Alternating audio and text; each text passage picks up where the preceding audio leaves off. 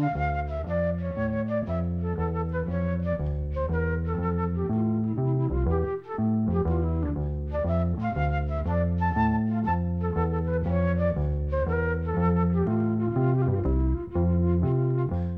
sæl. Við höldum áfram að fjalla um jameska reggaetónistamannin Fredrik Hibbert sem var kallað Toots, gælunafn sem hann fekk strax í æsku.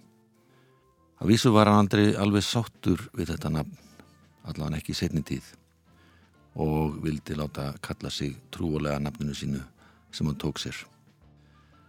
En flestir kallu hann Fredrik eða Toots. Við skildum við hann og hljómsýtina Mætals þegar hljómplatan Funky Kingston var gefin út árið 1973. Chris Blackwell hjá Island útgáfinu vildi að Toots og félagar sem voru nýkonur á samlingi á honum prófuði að flytja alls konar þekkt poplög í reggetakti. Þar á meðal er hið vinsala lag Louie Louie sem fjall í kramið í bandaríkjunum.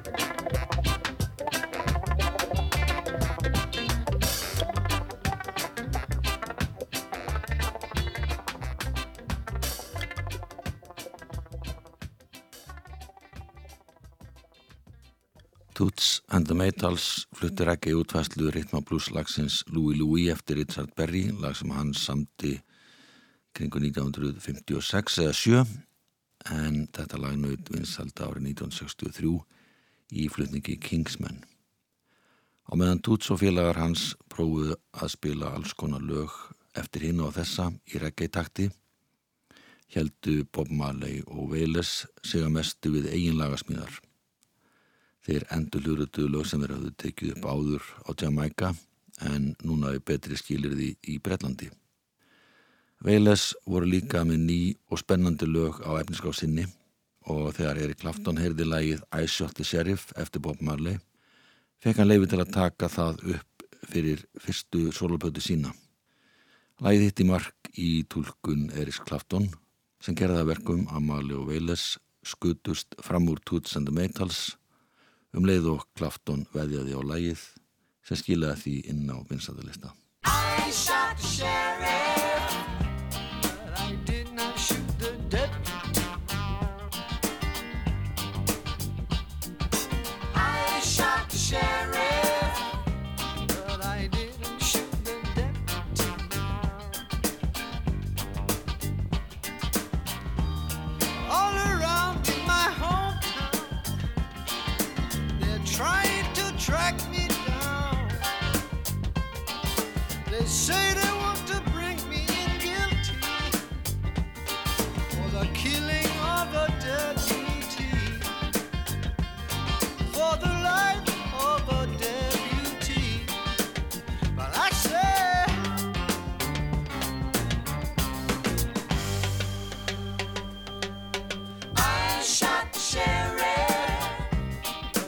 I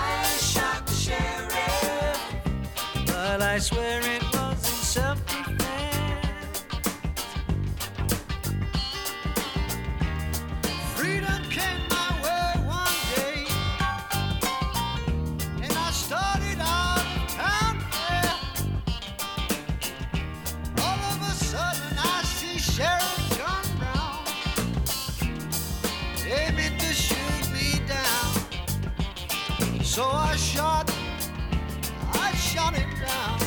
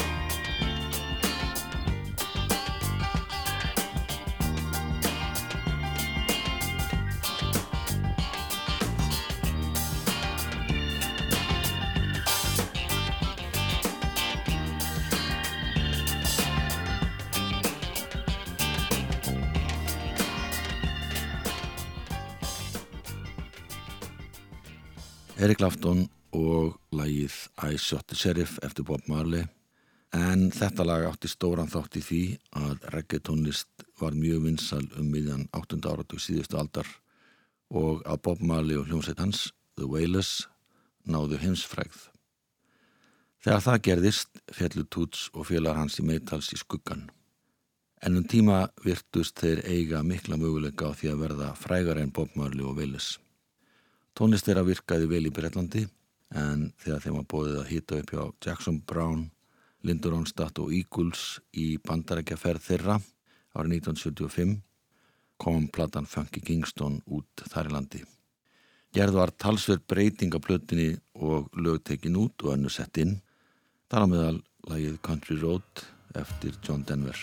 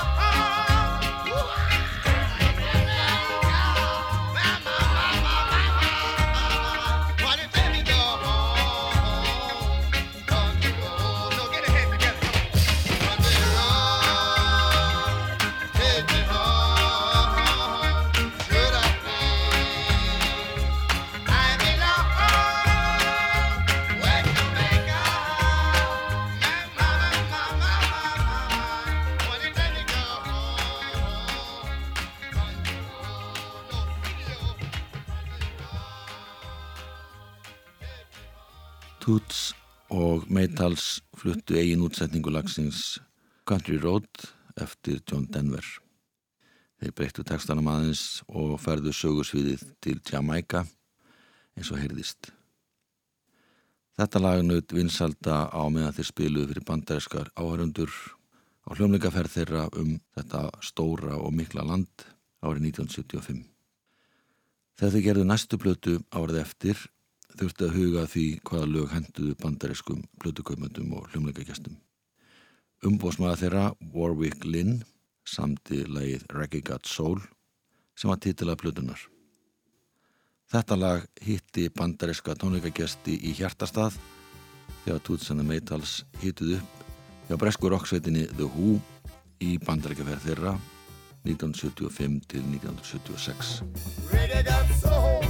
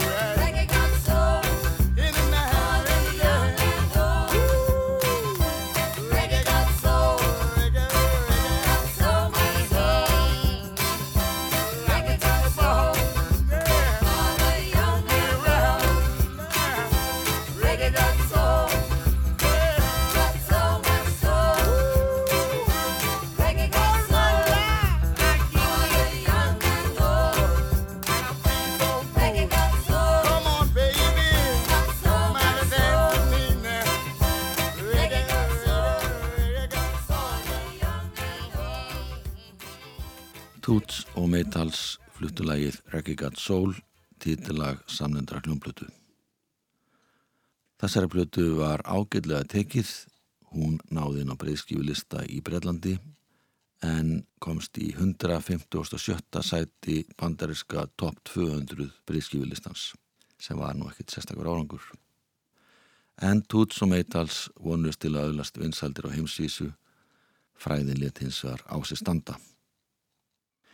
Á sama tíma gekk Bob Marley betur með hverri nýri plötu sem að sendi frá sér. Toots og Maytals ákvaða að taka málinn í sína hendur og ætlaði að setja heimsmet. Þeir heldur tónleika 29. september 1980 að kvöldi til í Hammersmith Palace í Lundunum. Þessi tónleika voru teknir upp og gefnir út á plötu á innan við sólaring eftir að tónleikarnir hófust.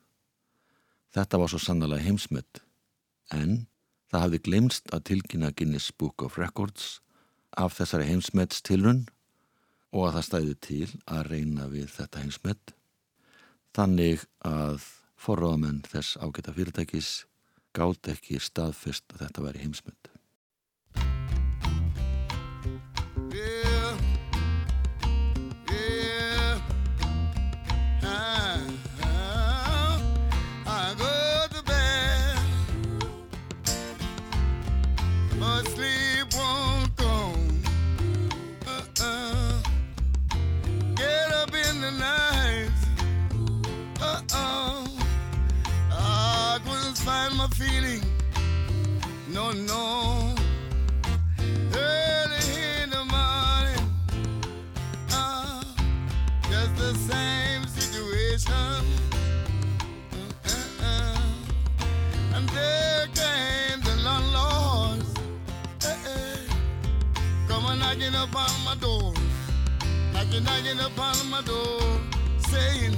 I've got 400 months rent to pay, and I can't find a dollar.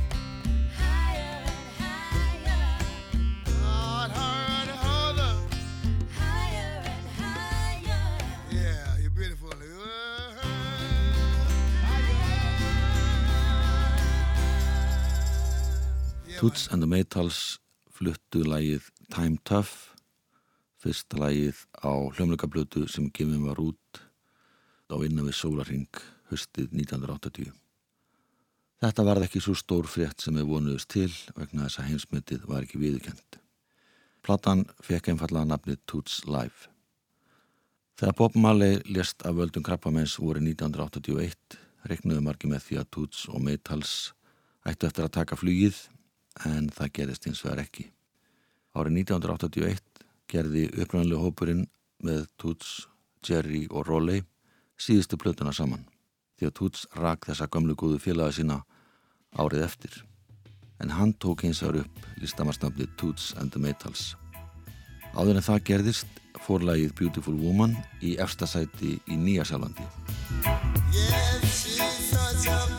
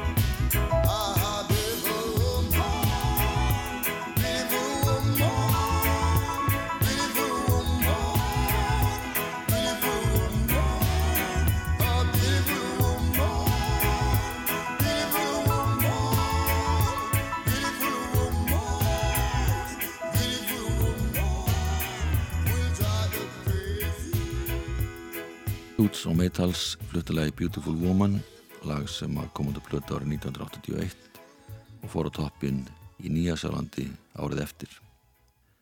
Næsta áratug starfaði Toots Hibbert með hinnum og þessum, spilaði mest sjálfur en fekk oft gesta hljófarleikara með sér. Hún gekk ekkit sérstaklega vel þó svo að plötuna streymdu frá honum og það var í raunin ekki fyrir árið 1988 þegar sendi frá sér sapplötu með bestu lögum sínum að hann fekk útnefningu til Grammy-veluna í fyrsta sinn. Seks árið setna gerði hann plötuna True Love þar sem að hann og einhverju sem hafa voru kallaði Meitals endur gerur nokkur gömu lög í félagi við þekta bandareska og breska tónlistamenn. Þar á meðal voru Gwen Stefani og hljómsett hennar No Doubt og við viljum að heyra lagið Monkey Men í tólkun þeirra.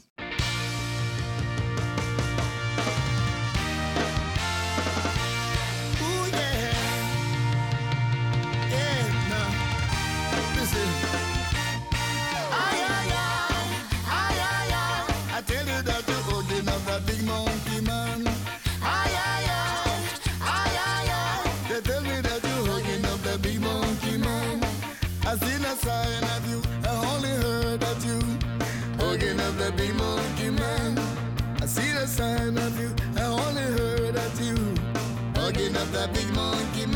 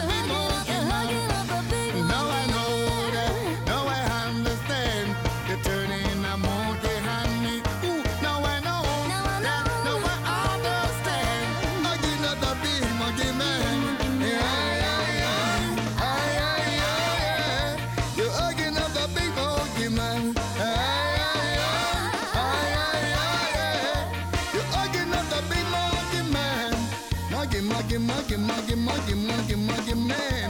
Hugging up the big, big monkey man. Monkey, monkey, monkey, monkey, yeah, yeah, yeah. You're hugging up the big monkey man. Ooh, monkey, monkey, monkey, monkey, monkey, monkey, yeah. Monkey, monkey, yeah, yeah, yeah. Monkey, monkey, na, na, na. Monkey, monkey, monkey, monkey, monkey, monkey, yeah. You're hugging up the big monkey man. Toots og Gwen Stefani á samt hljómsveitunum No Doubt og Maytals fluttilagið Monkey Men á plötunni True Love sem vann til Grammy-veluna árið 2005 sem besta reggaeplatan.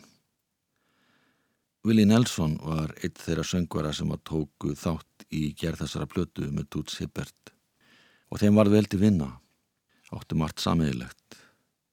Willi bauð Toots að koma fram á hljómlökun sem hann held undir nafninu Outlaws and Angels þetta sama ár og þegar Willi Nelson gerði reggieplötuna Countryman árið 2005 söng Toots eitt lag með honum á þeirri plötu. Það heitir I'm a Worried Man, lag eftir Johnny Cass og June Carter Cass.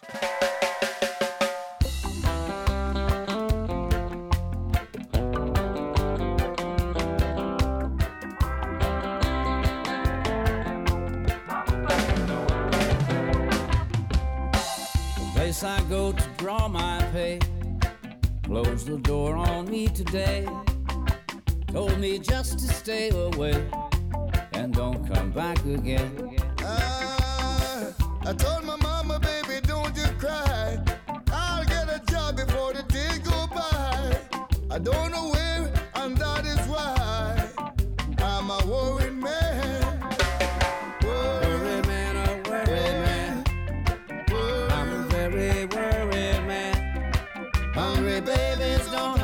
understand. Their papa is a worried man.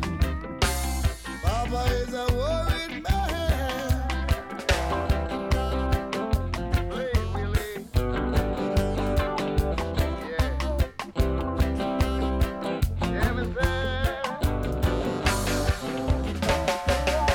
There is no way that I can see that I can feed my Yeah.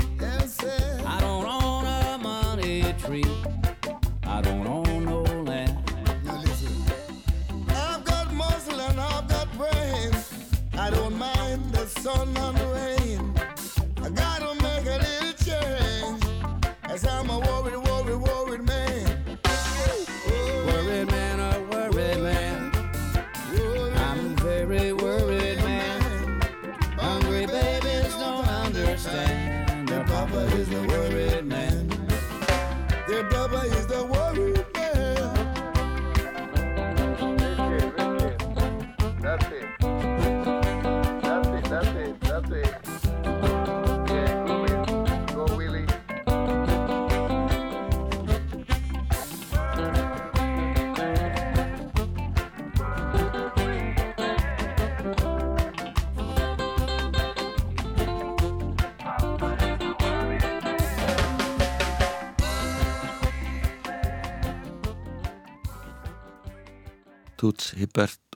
Og Willie Nelson fluttulag eftir Johnny Cass og June Carter Cass.